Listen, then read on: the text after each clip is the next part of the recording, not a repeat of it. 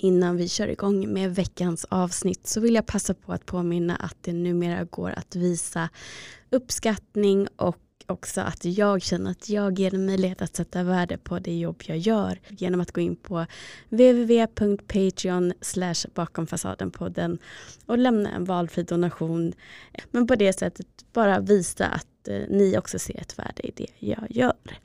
Så tack så jättemycket för er som gör det redan och eh, då kör vi igång och eh, helt enkelt välkomnar veckans gäst. I veckans avsnitt så har jag tänkt att vi ska prata lite mer om sunda relationer. Och vem passar inte bättre då än någon som faktiskt jobbar med kärlek.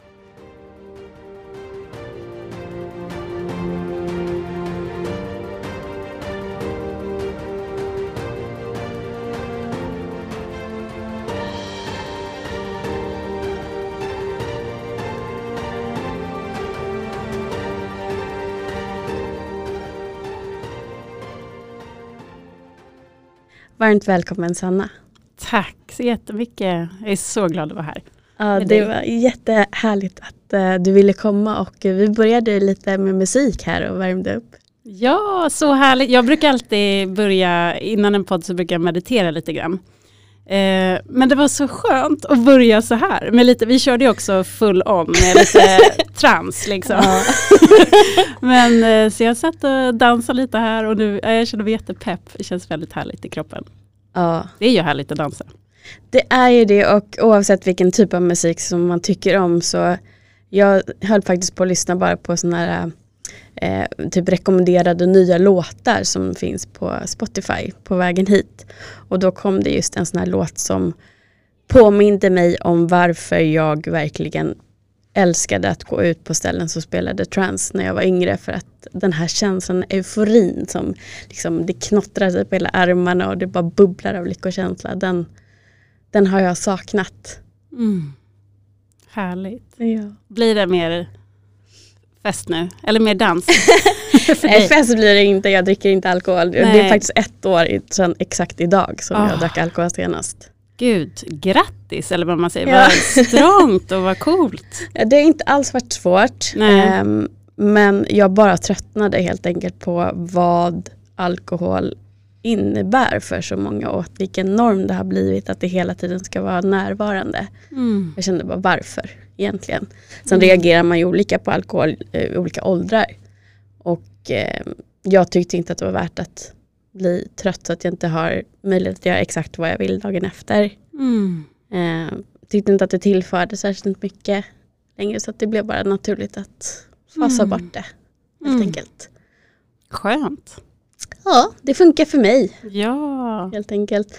Men med det sagt ännu härligare att fortfarande känna det här ruset fast genom musik då till exempel. Som vi Verkligen. Nu. Jag var faktiskt på rave som höggravid. Och var nog enda på stället som, som inte hade druckit något. Men jag känner faktiskt inte att jag behöver det när det är just fest mm. och det där. Um, nej, jag vet inte. Jag får också det där ruset. Jag får nog ganska lätt rus. Alltså ju, bara av musik på det sättet så får jag också, bara när du spelar den här så kände jag att jag fick så här mm knottra sig som du sa mm. också på armarna liksom, att det är så härligt. Så att, um, mm, nej. Ja men det är, det är ju nästan samma känsla som när man känner ett, en riktig förälskelse. Mm. Att det är det här endorfinerna och dopaminet som utsöndras och bara lycka och trygghet och ja, bara helt gå upp i den känslan. Verkligen. Och där har ju jag pratat väldigt mycket, särskilt den här säsongen också, om hur det här dopaminpåslaget gärna återfinns också i osunda relationer. Absolut. Att man börjar jaga de här topparna. Mm. Eh, men att det också blandas med dalar där det innefattar mycket stresshormoner istället och också att det driver på ännu mer att söka det här. Och nu känner jag att nu har vi ändå kommit till att nu har vi pratat mycket om det och mycket av det tunga men mm. jag vill också lyfta fram det här när man kommer ur det tunga och känner att men nu vill jag faktiskt prova på en sund relation. Ja. Och eh, du jobbar ju idag som matchmaker. Absolut. Vill ja. du berätta lite om det? Och ja, lite om dig? verkligen. Nej, jag, jag tycker personligen att det är världens bästa jobb. Och vid sidan av utbildar jag mig också till parterapeut. Så att det blir lite båda världarna. Dels att hitta relation och också hur det funkar i en relation. Så det känns jättefint att få alla dimensioner på något vis. Eh, men just i jobbet som matchmaker så hjälper jag ju människor att hitta rätt. Helt enkelt. Eh, och det blir väldigt Alltså det är väldigt tacksamt. Det, alltså det är ju såklart utmaningar och, och det på vägen och alltihopa. Men det är också ett väldigt, det känns jättefint att verkligen få bidra med något som är så viktigt. Eller för mig är det det viktigaste vi har, just relationer. Och inte bara alltså kärleksrelationer utan relationer överlag. Mm. Tycker jag är det viktigaste vi har. Och det känns så meningsfullt att, att faktiskt jobba med det. Ja det förstår jag verkligen. Mm. Lite drömscenario där. Ja men det är det och sen blir man ju nästan, alltså de kunder vi jobbar med, man lär ju verkligen känna dem väldigt bra. Så det, alltså det blir nästan som en nära vän, nu ska det ju inte vara så för det är ju, alltså det är ju fortfarande jobb liksom, men, men eh, det är väldigt fint att få följa en person på vägen. Eh, I både upp och nedgång eh, och så. Det känns väldigt genuint och fint och ja, häftigt. Men måste Verkligen. man inte vara nästan lite som en vän ändå? För jag tänker om du ska hitta någonting som verkligen passar den personen, då behöver du se vem han eller hon är i alla livets liksom, vågor, om det är i medgång och motgång och se hur de hanterar olika saker och vad skulle de behöva utifrån det. Skulle mm. man bara sitta och berätta som på en anställningsintervju om sina styrkor och vad man tycker är bra och det här söker jag. Då kanske det inte blir lika rätt som om man också vet hur en person agerar när inte solen skiner. Liksom. Verkligen. Nej, där har du helt rätt. Och det är, det, är, det är därför man också kommer varandra nära. För att man faktiskt pratar om alla dimensioner och eh, ja, men livets alla skeenden och vad som händer och hur man, och det kanske kan säga nästan mer om än mm. alltså just motgångarna och vad, vad som händer då. Ofta kan ju saker och ting triggas i motgång också som tar fram sidor och sånt som man kanske ja, kan vara bra att titta på lite grann. Exakt. Mm. Vad skulle du säga att ni, när ni då har valt att jobba med en klient, för jag förstår att det är också en process att se om ni tycker att det här är en bra match för er och att det är en person som verkligen har potential att, och rätt avsikter. Verkligen. Eh, men låt säga att vi har då, ni har valt en person. Mm. Hur gör ni där för att det ska bli en så sund process som möjligt? Um, ja men vi jobbar, vi har fyra steg till kärlek som det heter, som är liksom vår grundbult och sen så anpassar vi alltid utifrån personen. Så. Men de fyra stegen, eller fyra områdena, det är att eh, alltså steg ett eller område ett är då ens bakgrund och då kollar man på var kommer man ifrån, vad har man liksom lärt sig om kärlek? Alltså det kan ju handla om både hur man är uppväxt eh, och vad ens föräldrar har haft för relationer. Men också vad man själv har haft för relationer och vad för mönster man kanske har haft. Många kan faktiskt svara på det. Alltså när vi frågar, har du något speciellt mönster? Så brukar det vara många som, som verkligen har det top of mind och kanske kommer på det när vi pratar om det. Men gud, jag, varför händer allt det här till exempel? Och, så. Mm och sen att liksom äga sin historia. Att också känna, att det här har hänt. Det har varit både bra och dåligt. Där, eh, på grund av det här kanske jag agerar så här. Men det är okej, okay, det här är jag och så här vill jag liksom fortsätta. Um, och sen steg två eller område två, uh, det är att titta lite på sig själv oavsett relationer. Alltså vad har man för värderingar?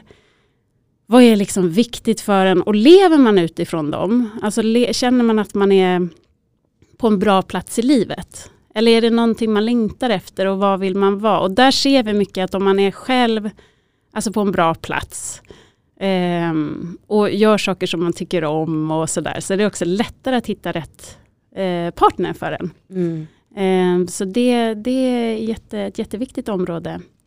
Och sen har vi, går vi vidare Eh, och eh, det här tredje området är Need, Wants and Requirements kallar vi det. Mm. Och det är att man det är många som tänker så här, äh, men det här och det här vill jag inte ha. Men man kanske glömmer bort vad är det egentligen jag söker efter. Ja. Och jag kommer ihåg, jag gjorde någon så liknelse i någon annan podd som kanske är lite fånigt, men det är nästan som att så gå ut och plocka svamp och inte veta vad man ska plocka. Liksom. Man kommer hem med allt möjligt konstigt. Medan som man vet så här, nej men jag ska ut och plocka trattkantarell så kommer man förmodligen hem med det. Liksom. Och att sätta fokus lite mer på vad vill jag ha? Eh, och där, eh, ja men till exempel, alltså det, det, kan också vara så om man är i en relation att man eh, kanske blir jättekär. Och liksom, jag tycker det är så bra mening det här, fall in love. Mm. För man, det är som att man nästan, man bara hamnar i kärlek utan att tänka efter. Och sen när den där förälskelsen har släppt lite grann, alltså den där första förälskelsen kan liksom inte hålla mer än två år, den där första riktiga passionen. Och då kanske man kommer på, nej men vi har inte ens samma värderingar här liksom.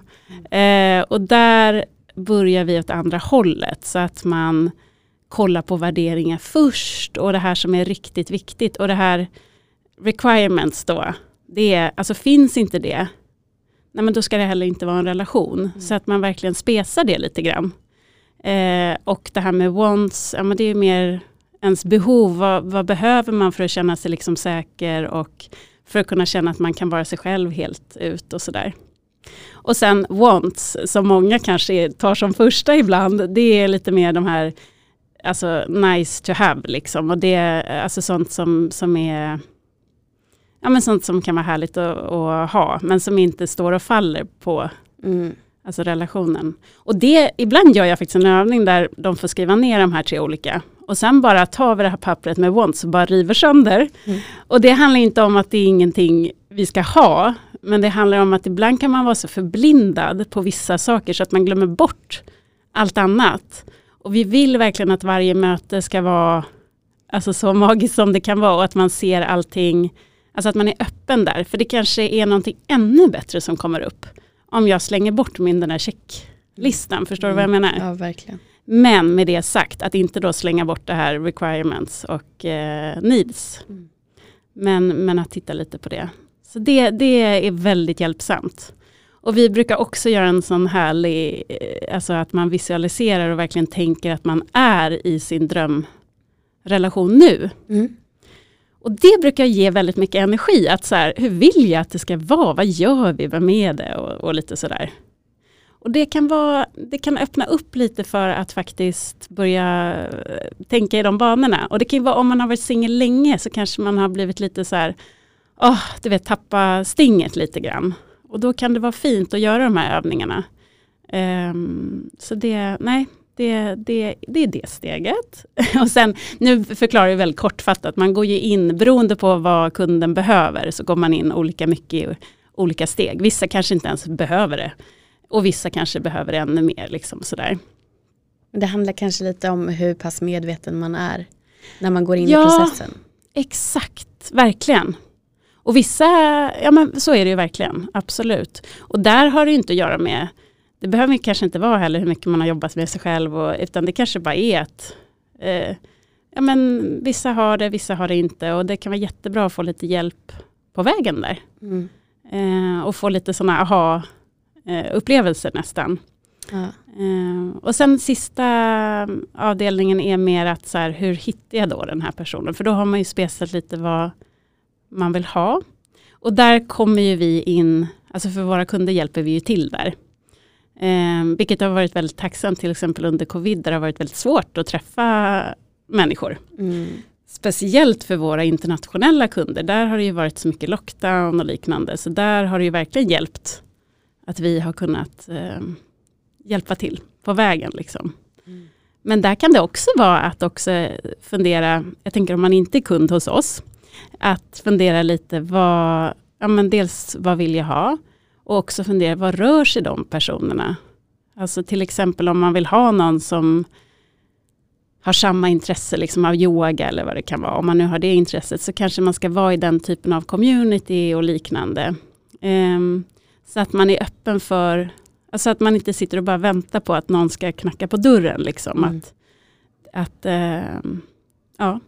Och där, men med det också, för vissa kan ju vara att de kanske har liksom dejtat hysteriskt mycket och, och ändå inte hittat. Och där kanske är åt andra hållet istället, att de ska coola ner lite grann. Och liksom, men sen kan det vara tvärtom. Att det är någon som bara har suttit och väntat, ja men det händer när det händer. Och då kanske det kan vara bra för den personen att göra lite annorlunda. Exakt. Det blir väl lite den här tvärtom-metoden som återkommer i så mycket som man pratar om när man ska lära om och göra om göra rätt. Absolut. Vi är så, alltså vår hjärna är ju så himla eh, vi, gör ju, vi är vana djur så vi gör ju det vi är vana vid oavsett om det är hjälpsamt eller inte. Och där, om vi liksom har fått samma resultat hela tiden så måste vi, hur jobbigt det än är, ändra tillvägagångssätt för att få ett annat resultat. Men det är mm. svårt, det är jättesvårt. Eh, och läskigt ibland och eh, känns väldigt motigt. Men där kan det också vara bra att titta på att så här, vad är det nu, vad är det jag har vinning av att göra det här? Mm. Och ibland ställer jag frågan lite vad, alltså om man ser motpolerna, vad är du mest rädd för? Och så vet jag, vad, vad vill du helst? Mm. Ofta brukar det ligga samma sak bakom. Och att se det, det kan till exempel vara att man, eh, ja men säg att man, man man tycker det är läskigt att dejta för man vill inte bli avvisad och i grund och botten handlar det om att man vill inte vara ensam. Och på andra sidan liksom så vill man så gärna ha en relation för man vill inte vara ensam. Så ensamhet är, är liksom på båda, i båda vågskålarna och genom att se det så kan man också känna okej, okay, men det kanske är värt att jag gör det här för att det här är ju bara ett skydd jag har för att inte vara ensam. Men det hindrar mig också att faktiskt hitta någon. Exakt. Eh, så det brukar vara väldigt fint att göra. Mm. Det mm. där är ju anknytningsteorin lite grann som du är inne på. Ja, absolut. Och det har ju vi täckt väldigt mycket i den här podden för att jag tycker verkligen att det är en så bra nyckel till att förstå varför det inte har fungerat i relationer för en. Men också förstå att det här är någonting som är föränderligt som du kan ändra på mm. och det är inte nödvändigtvis likhetstecken med vem du är utan det är det du har formats till när du har knutit an som liten. Mm. Och då skapat alla de här skyddsmekanismer som du nämnde nu också. Men det blir ju också en väldigt, alltså för mig och för många jag har pratat med, en, en väldigt tröst att också komma på att det här är någonting som jag har skapat för att skydda mig mot övergivenhet som barn. Men idag så finns det ingen ingenting som skulle säga att jag skulle dö av att bli övergiven så att jag kan faktiskt lära mig att sluta skydda mig på det sättet och hitta tryggheten i mig själv och på så sätt också förändra hur jag söker relationer. Och det blir så fint då när man börjar titta på det och eh, göra tvärtom. Och tar man då hjälp av, av er eller om man väljer att göra det på egen hand så handlar det ändå om att, att liksom våga mer. Alltså att, jag vet också att eh, eh, Therese Gibson som har en eh, online-skola just med anknytningsteorin där man kan ta kurser och man kan vara med i community men man kan också bara titta på gratisvideor på mm. Youtube. Hon pratar väldigt mycket om det här med olika grader av rädsla och längtan. Och då säger hon från 1 till 10 att till exempel hos de som är otryggt undvikande så är ofta rädslan högre än vad viljan är. Och vet man om det, då kan man ju jobba med det. Verkligen. Jag, alltså, ähm, jag tycker att det är så intressant med anknytning och precis som du säger ligger så himla mycket där.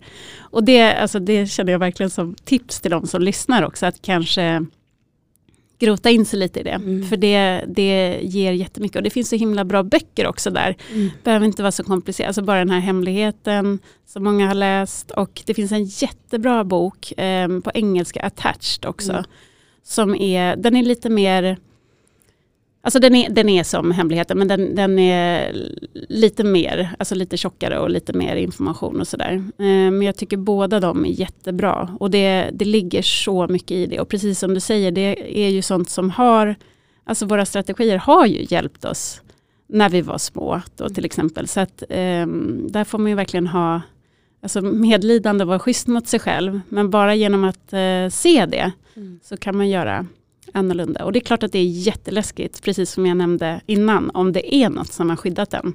Och så väljer man en annan mer sårbar taktik. Det är klart att det är svårt, verkligen. Um, men det ger också resultat. och eh, alltså resultat låter så konstigt att säga när det gäller relationer, men mer att, alltså, mer att man går mot dit man vill. Mm. Det är en utveckling och samtidigt så tänker jag så här att hur en rädd du än är mm. så när du börjar jobba mot rädslan och faktiskt väljer att möta den och går framåt och på så sätt når närmare ditt mål av att få möta din längtan istället för att möta rädslan. Ja. Det är ju så vackert att bara få utvecklas på det sättet. Och jag tänker så att vi människor är ju faktiskt inte skapta för att vara ensamma. Vi är ju flockdjur och vi eh, oavsett om det är tvåsamhet eller tresamhet eller vad man väljer som känns rätt för en, en själv så blir det ju fortfarande så att längtan kommer inte försvinna. Nej, verkligen så inte. Så varför inte då ta hjälp att, eh, jag tänker också att det är ett jättebra sätt att använda sig av en matchmaker eller relationscoach eller parterapeut eller vad det nu är, eller terapeut för sig själv. Mm. För att just ta tag i det här, nej men jag vet att jag kommer aldrig sluta längta efter tvåsamhet men jag får inte funka. Mm. Jag behöver hjälp att se mina mönster kanske också. Sen när jag ser dem, vad kan jag göra åt dem? Och sen då, det perfekta scenariot vore ju också då att få hjälp att hitta någon som möter mina behov. Möter att vi har samma värderingar och alla de stegen som du pratade om är ju verkligen det som kännetecknar en sund relation. Om man börjar så. Och det verkligen. ser vi ju också tycker jag mer och mer i Även om det är social media och det är relations-tv på olika sätt så märker man också att det, det är fortfarande starkt inpräntat i oss att gå på första attraktionen och det är något som är väldigt eh, tilltalande rent visuellt. Men det fungerar ju aldrig när de inte delar värderingar och gemensamma mål framåt. Verkligen. Och det här, alltså det här pirret i magen och fjärilar i magen och det här som man kan Typ som nästan varenda Hollywoodfilm går ut på ja. att det är så här, oh, love at first sight och sådär. Det är ofta, det kan vara att det liksom triggas igång massa osunda gamla grejer. Så att det kan, det kan faktiskt vara ett tecken på att det inte är någonting att gå efter. Eh, men det, det har liksom romantiserats lite grann. Mm. Och, eh, och det, det, jag tänkte på det också nu, jag, har, jag följer alla, min man skrattar mig, för jag följer varenda relationsprogram. Mm. jag tycker det är så kul. Mm. Eh, alltså det här är ju min största hobby då.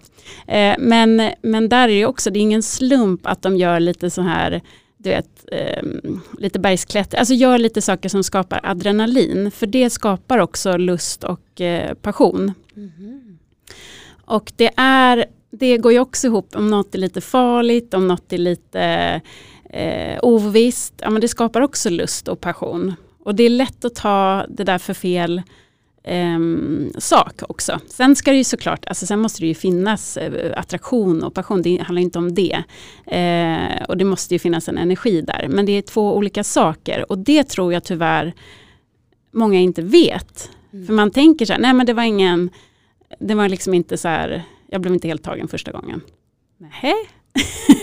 Men eh, jag tror vissa saker också kan växa fram. Mm. Sen kan det ju vara en jättesund relation som börjar från alltså första start. Eh, och jag tycker många som har eh, liksom, långa relationer, känn, alltså, det har vi faktiskt märkt hos oss också, att eh, när det är liksom de här relationerna som har hållit länge och känns bra, då kände de ofta från första början snarare än så här, oj jag känner en helt galen passion, så känner de, ah, då kan de säga saker som jag kände mig hemma, kände mig väldigt trygg eh, och, och, liknande.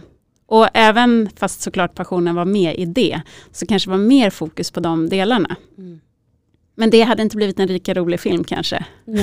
om, det, om det var liksom eh, fokus på det. Men jag tror att det är viktigt att veta att det behöver inte vara sunt, det där galna förälskelsen.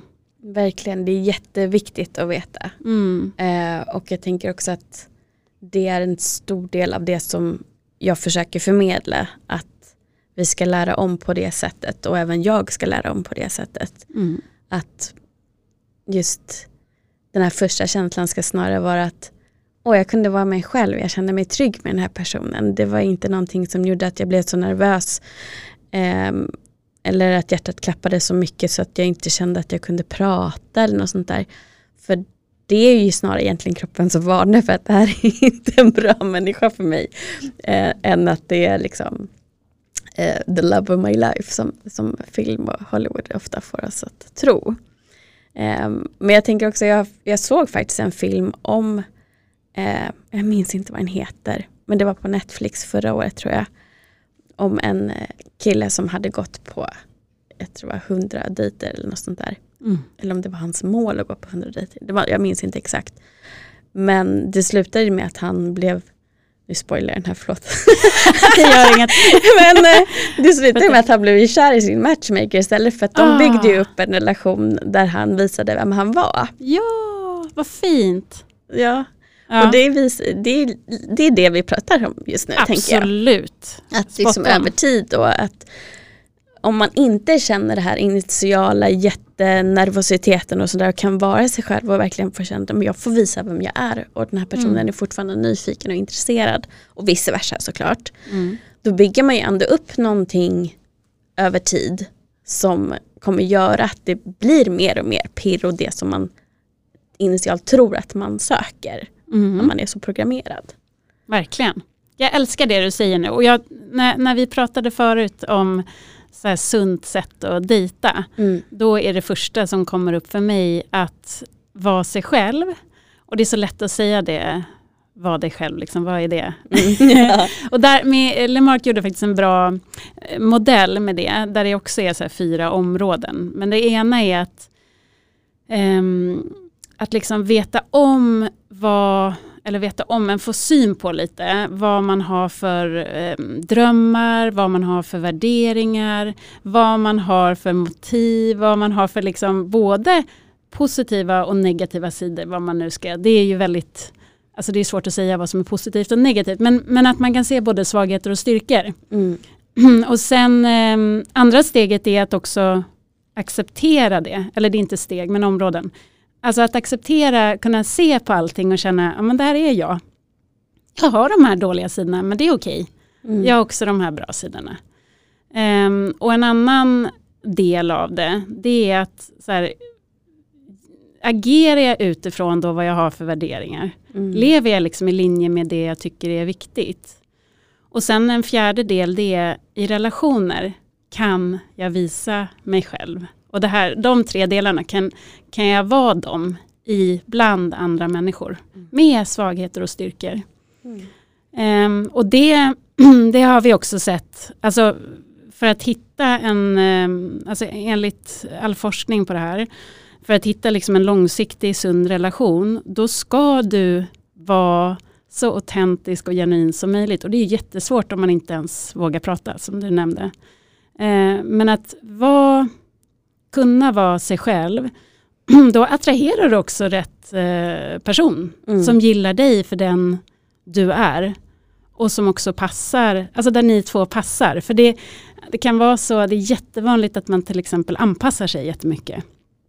Och då tror ju den här andra stackars partnern, ja men så här är ju den här personen. Och sen, man kan inte hålla på med det här hundra år liksom, till slut kommer det komma fram ens liksom mer riktiga sidor. Och då kanske det var kanske inte var det den här, alltså som, som var en bra match. Mm. Så det, det är verkligen, det, det är superbra också, inte så att hålla på att spela spel och liknande, utan alltså det beror på vad man vill ha. Men om man vill ha en seriös relation, att våga vara lite mer sårbar. Och våga, alltså jag tänker som bara du som med den här podden också, att kunna visa din sårbarhet och de här delarna. Att kunna vara så i relationer, det, det hjälper verkligen att hitta hitta rätt. Ja, och jag tror att det är som du säger, när man, när man anpassar sig, och det har jag också gjort många, många gånger tidigare. Sen när jag tittar tillbaka till det, när jag fått en annan syn på det, en mer sund syn, så har jag ju märkt att om jag anpassar mig efter vad jag tror att han vill ha, inte bara så att det blir fel bild av mig inför honom, men jag tappar ju också fokus på att är det här verkligen en rätt person för mig? Mm. Att man hela tiden utanför sig själv. Och det blir ju alltid när jag tänker tillbaka svar nej. och sen funkade det inte för att eh, det gick inte att upprätthålla någonting och det blev för tydligt att jag försökte för mycket anpassa mig och det är inte attraktivt. Mm. Um, men samtidigt så var det ju inte heller rätt person för mig för att han eller de här männen har ju varit ute efter någonting som har varit någonting annat än den jag är. Och är inte det jag behöver heller. Så från, för att återigen gå tillbaka till det du pratade om i början med var man börjar någonstans. Att komma på vad jag vill ha är jättebra. Men framförallt vad jag behöver är super, super viktigt att utgå ifrån när du ska söka en sund och långvarig relation. Och där ingår det också att visa och acceptera och tillåta sig själv att se att jag har svårt för det här, där skulle jag behöva stöd. Till exempel för mig så, mm, det här kanske låter jättekonstigt, men jag har ganska svårt för att visa mig sårbar. Jag blir jätteförvånad. och eh, det blev väldigt tydligt för mig nu på sistone när jag har känt att jag har vacklat i min identitet som duktig administratör som är mitt, eh, min huvudsakliga inkomst, att jag jobbar på kontor och administrerar. Och då fick höra liksom, eh, ja det har jag pratat om förut, men att det liksom blev som en, en svacka i den identiteten, att jag kände att det blev inte bra. Det blev dåligt, det blev dåligt, det blev dåligt och då började jag tänka att jag var dålig. Och hade så svårt att känna att jag, jag kunde säga det så, att jag känner mig dålig.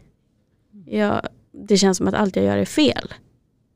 Och den typen av sårbarhet tog flera veckor för mig att nå till att känna tills det bara brast.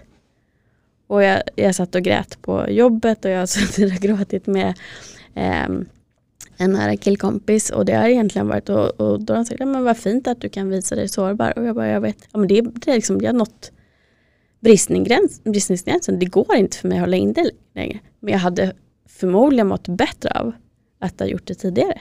Mm. Verkligen. Så det är inte så, så, lätt i alla former. Det kan vara lättare att sitta och prata med något som jag redan har bearbetat själv. Eh, och liksom att okej okay, det här var jobbigt. Mm. Men jag kan prata om det idag och jag kan vara sårbar kring det. Som med relationer eller övergrepp eller sådana saker. För det har jag pratat om, det har jag bearbetat, det har jag kommit fram till, okej okay, det här är jag eh, lugn med att vara sårbar i. Men när det gäller andra typer och andra aspekter så kan det fortfarande vara svårt. Mm. Och där kan jag känna att det är en väldigt viktig insikt. Eh, för att återgå till ämnet där att där skulle jag behöva en partner som ser när jag håller ihop det för mycket för mm. mitt eget bästa. Och kan säga liksom att Helena, jag ser det här. Jag tycker vi ska prata om hur du känner i industrin. För jag ser att du håller inne lite för mycket just nu. Och att jag känner mig då trygg att göra det. Såklart att släppa ut det. Mm. Så det är ett exempel på hur man kan rannsaka sig själv och skapa medvetenhet om vem man är för att också förstå vad man behöver i en partner. Verkligen. Lång utläggning. Nej, men jätte, gud, jättefint. Tack för att du delar. Och eh, jag tänker där, det är superfint att du vet att du behöver det. Och kanske även också säga det till en partner, alltså när man, när man har varit lite tag, att också uttrycka att, ja. alltså, och på vilket sätt han kanske kan för ibland tänker man också, åh jag vill bara att han ska se det och det ska bara hända. Men att också säga så här, ibland, om, alltså om du märker att jag, jag vet inte vad det skulle kunna vara, men till exempel jag blir lite stressad eller sånt där, då kanske du bara kan fråga på det här sättet, är det någonting du, alltså så att man också hjälper den lite ja, på verkligen. vägen. Det kan verkligen vara superbra och det, det har jag också vissa så kompisar som, som säger, men jag vill ju bara att han ska förstå att mm. eh, jag vill ha så här. Men det är jättesvårt för den andra partnern ibland att förstå. Fast den kanske jättegärna hade velat stötta precis där. Mm. Så det, det är så, alltså att bara så veta om det här behöver jag, så fint. Att också verbalt kunna kommunicera det och guida lite i, i, i det är också jättefint för att underlätta för partnern. Mm. Um, och där, nej men det, det är jättebra. Och där, på tal om anknytning, det blir, du är inte liksom undvikande på undvikande skala.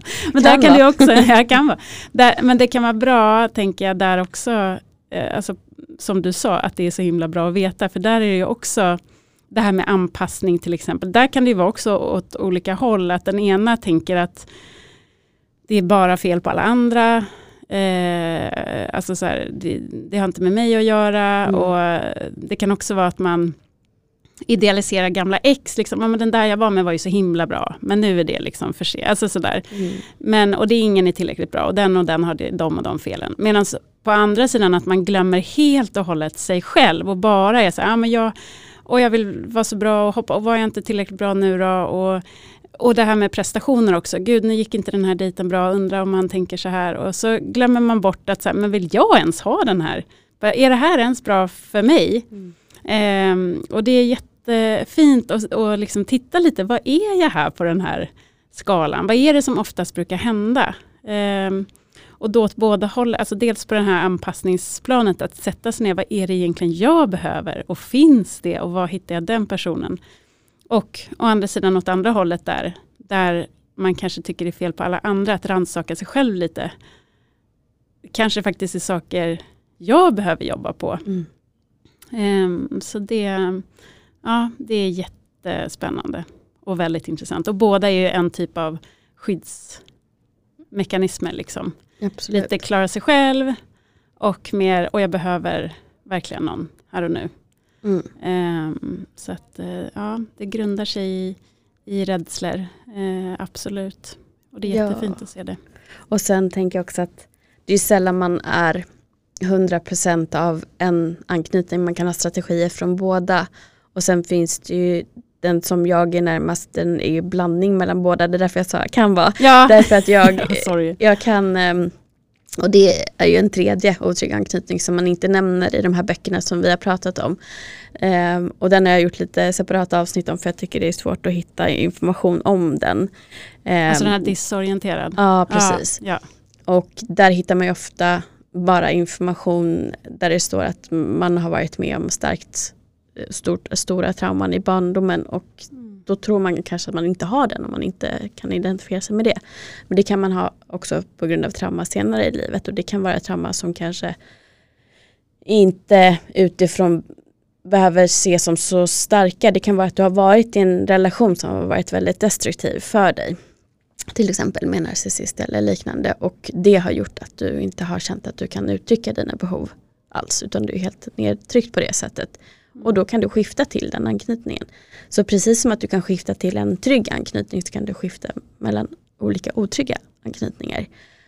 Eh, och även om du inte har det och du kanske har till större del eh, till exempel ambivalent mm. så kan du fortfarande använda skyddsmekanismer från det undvikande. Så att jag tycker att det är bra att det finns de här böckerna och att de är upplagda som de är. Men också att ha i åtanke när man läser dem att du kan hitta någonting kanske i båda som du känner igen dig i. Och då finns det strategier också för att göra tvärtom. Verkligen, jag håller med. Och det var, det var fel av mig att säga det.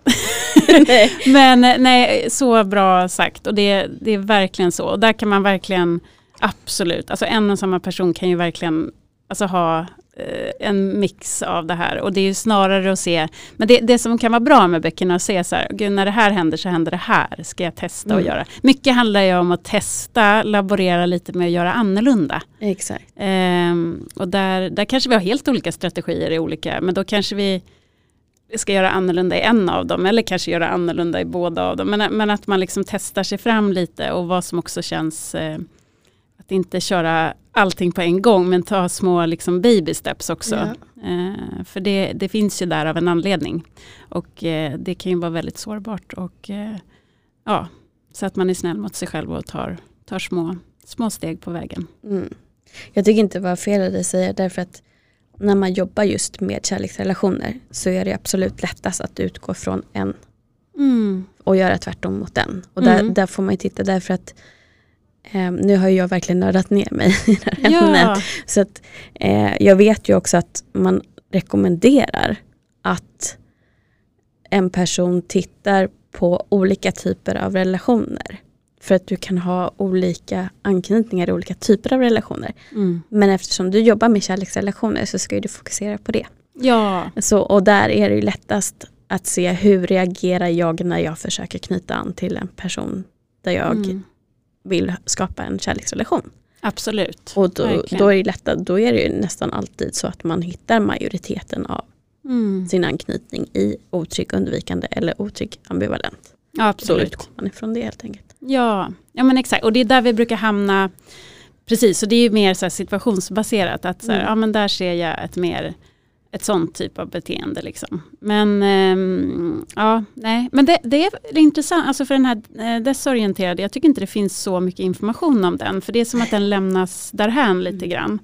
Ähm, så den, den äh, ja. Det, det, är mest fokus på de andra tycker jag. Mm.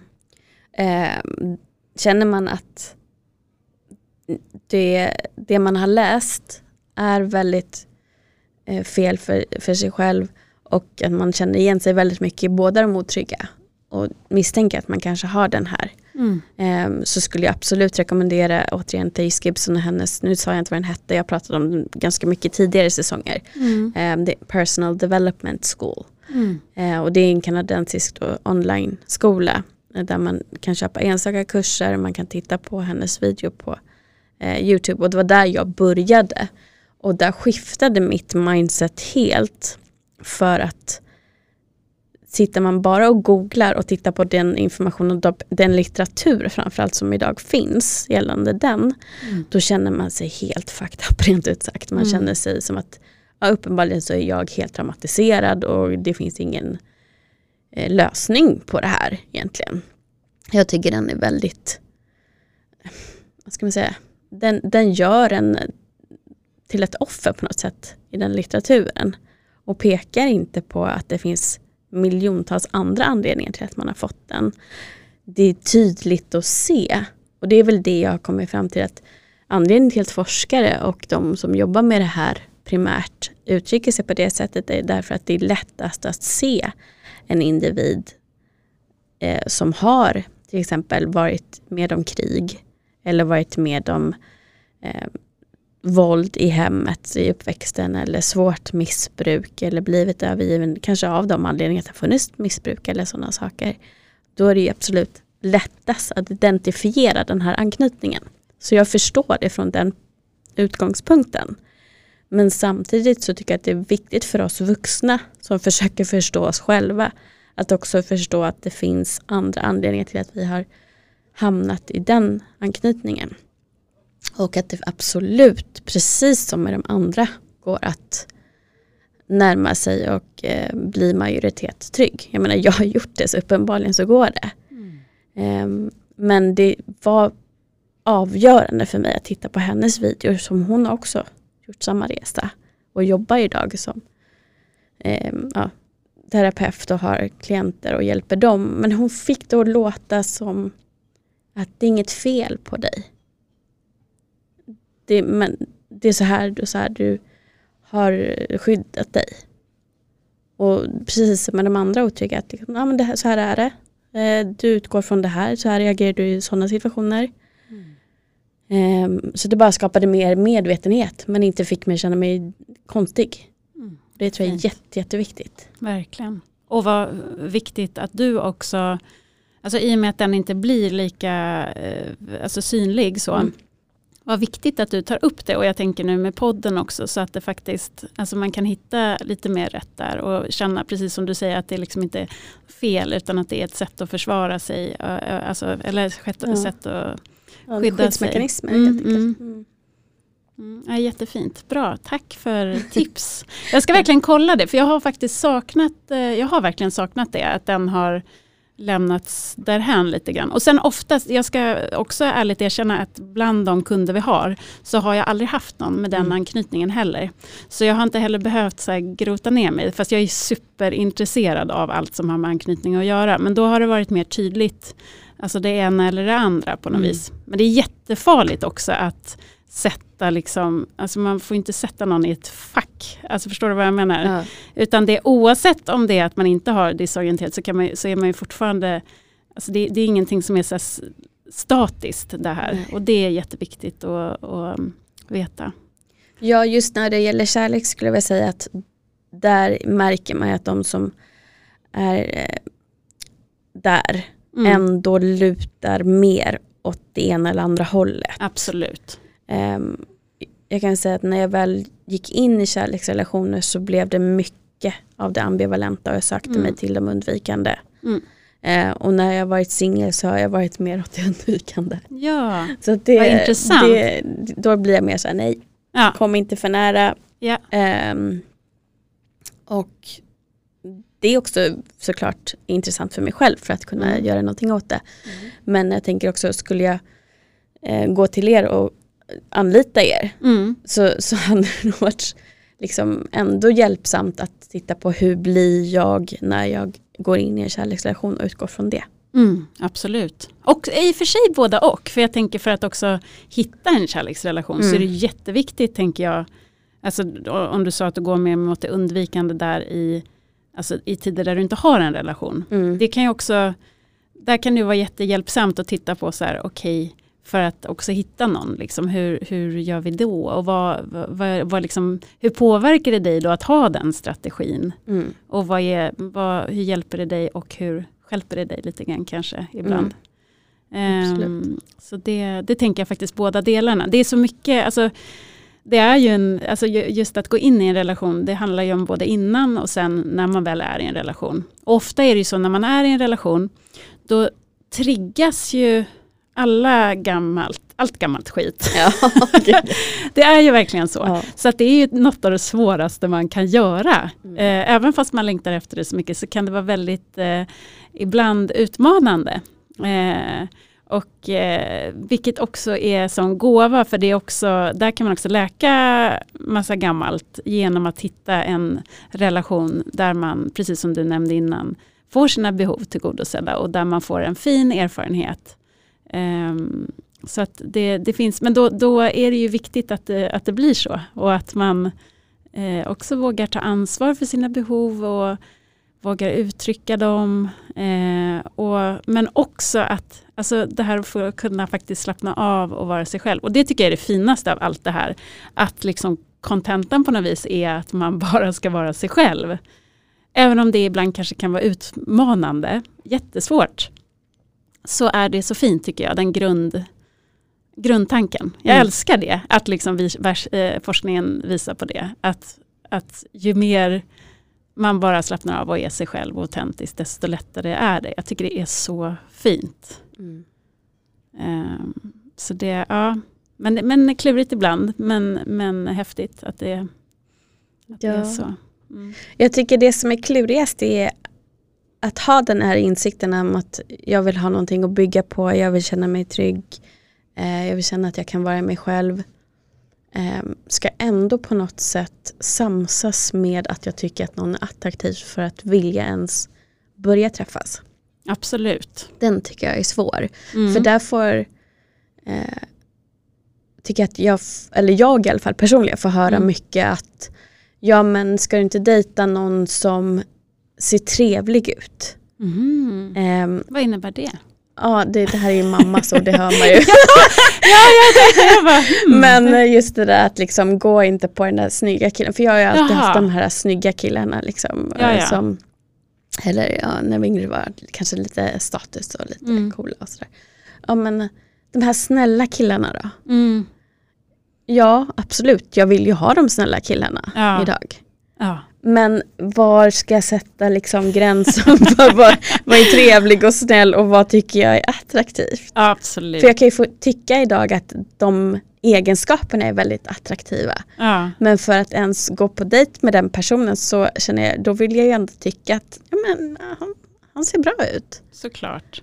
Och det, det tycker jag är så svårt i dagens samhälle när man har de här apparna. Mm. För att jag kan ju se någon på gatan eller på gymmet till exempel som jag tycker att, nej det kanske inte är när jag skulle, eller snarare jag kan säga i gymmet där jag ändå hänger en del. Mm. Skulle se någon hur han rör sig, hur han äh, interagerar med andra människor.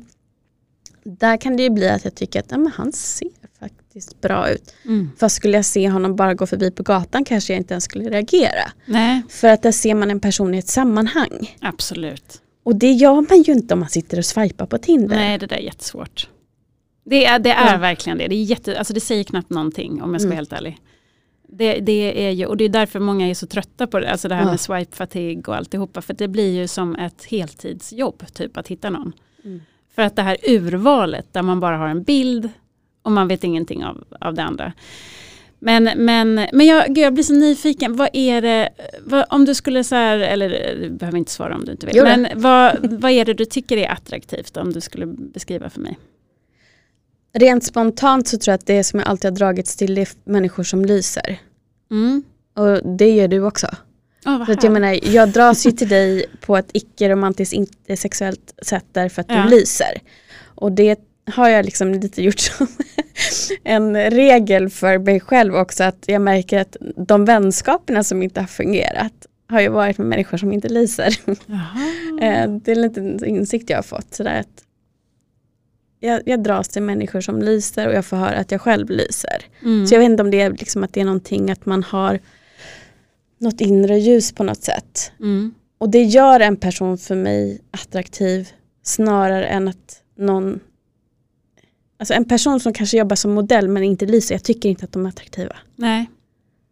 Det, finns, det, det kanske är karisma, det kanske är glädje Mm. eh, inför livet.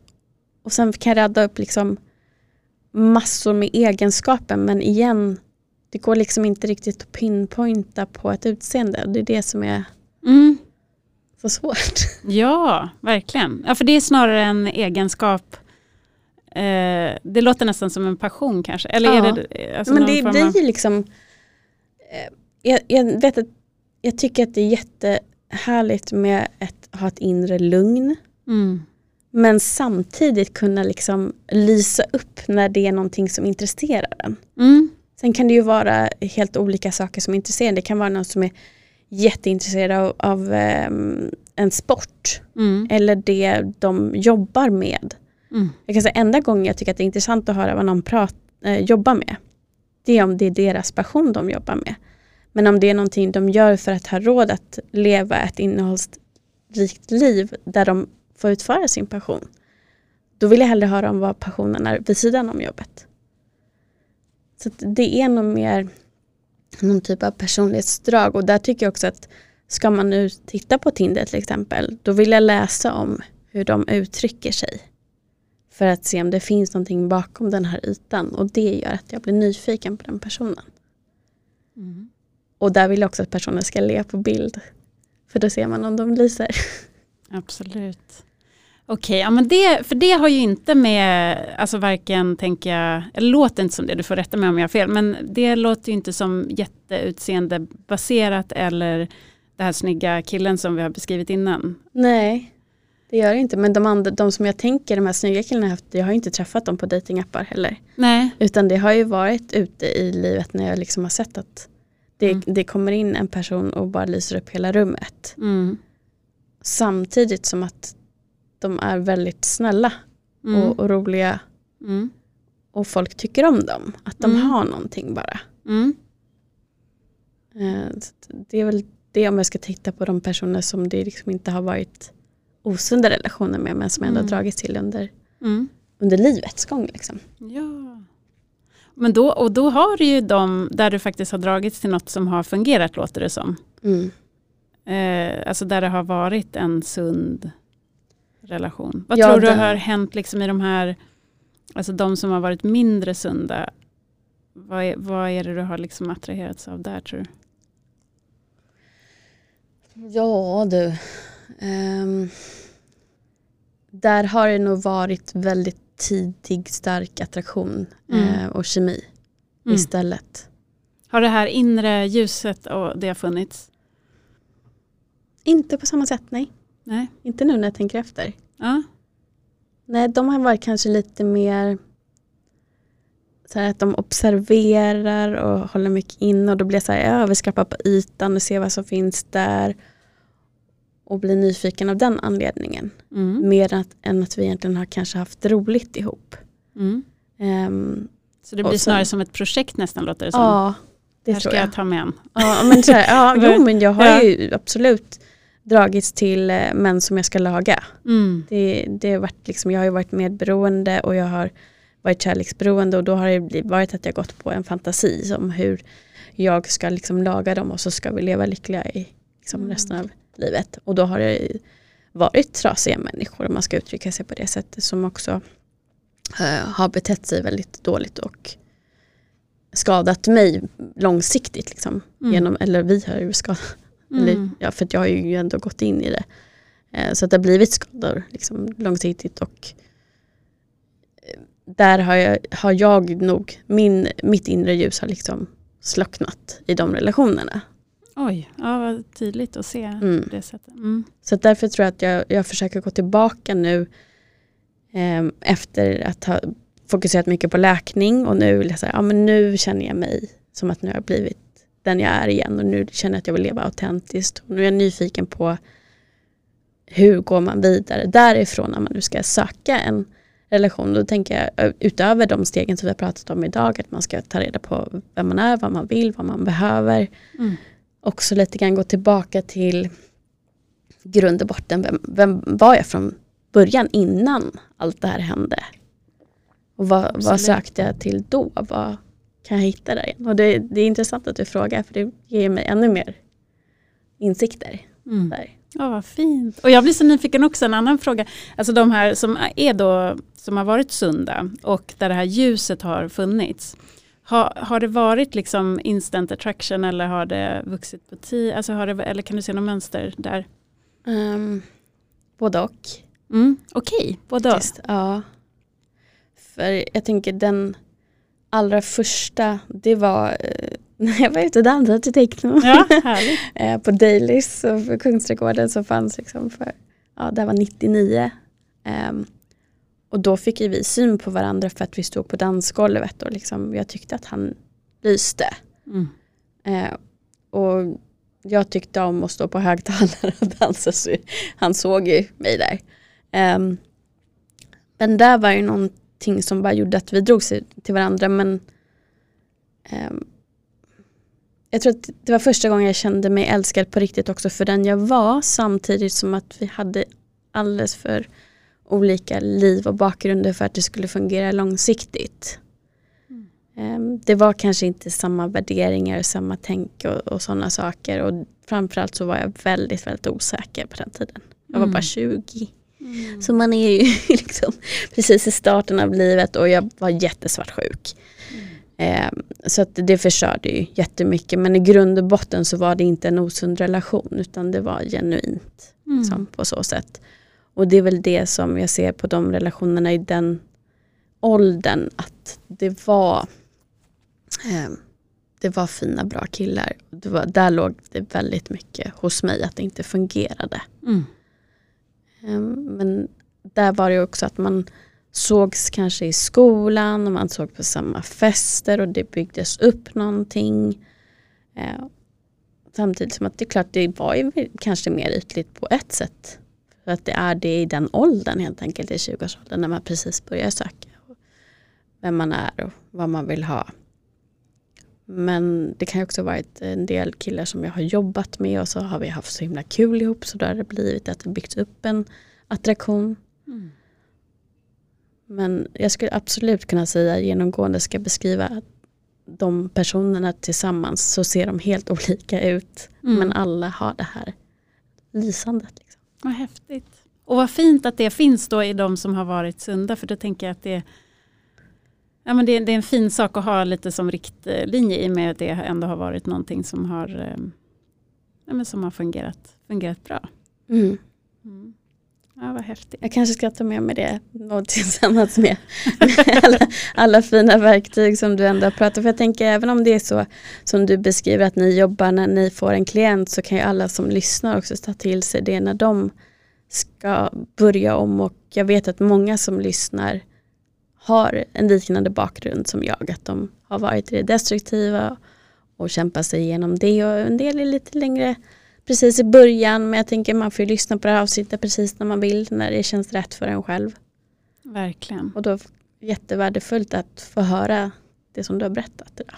Ja men vad fint. Ja men jag hoppas verkligen eh, det är, också, det är därför också jag tycker det är kul med eh, alltså just eh, podcast så här. För att i och med att vi har ett alltså få antal kunder som, som vi hjälper så känns det fint att kunna dela. Alltså jag hoppas verkligen att det hjälper någon. Det är i alla fall min, min idé med det och mitt hopp om det. Um, att kunna hjälpa människor med det här som, som jag ju tycker är det viktigaste vi har. Och jag tror att det Ja, men det känns jättemeningsfullt. Så jag hoppas verkligen, eh, du får säga till om du får några frågor efteråt eller något så ska jag försöka svara med bästa förmåga. Ja, eh, absolut. Mm. Jag kan säga att du har hjälpt mig så du har hjälpt en person. Ja men vad fint, ja, oh, jag blir jätteglad. check för ja, den. Check för det. ja det räcker gott och väl kan jag säga, det gör mig jätteglad. Vad ja. fint. Mm. Var det något så speciellt du känner, det här tar jag, nu blir jag så nyfiken, ja. det här tar jag med mig eller sådär. Um, jag tycker att det var som alltid uh, otroligt värdefullt att få höra de stegen för att det är så jag tänker själv. Då får jag det bekräftat ja, men det där, om, om Sanna säger det, men då är det ju på rätt väg. Samtidigt som att det är en påminnelse till hur jag vill tänka, hur jag vill agera. Eh, men jag tror det senaste, det där med liksom, vad är det jag egentligen söker och vad är det för att jag har grubblat så mycket på det här med attraktion och vad tycker jag är attraktivt egentligen och vad jag ska söka och vad hittar jag egentligen det jag söker. Vad är det jag, bara liksom, vad är det jag söker egentligen attraktionsmässigt sett? Och, och få nå den insikten med din hjälp tar jag med mig allra mest idag. Vad fint! Jag tog mig friheten att starta en liten coaching här. ja, jag är jättetacksam. Ja, men vad kul. Ja, vad härligt. Eh, om man är nyfiken på hur ni jobbar så kan man ju också anmäla sig att vara, eh, inte kanske klient, men vara med i den här poolen. Ja, absolut. Alltså vi har ju ett eh, få antal kunder, men vi har ju ett stort nätverk och det är där vi också letar Alltså, där vi, alltså då intervjuar vi personer och man får fylla i en profil och liknande.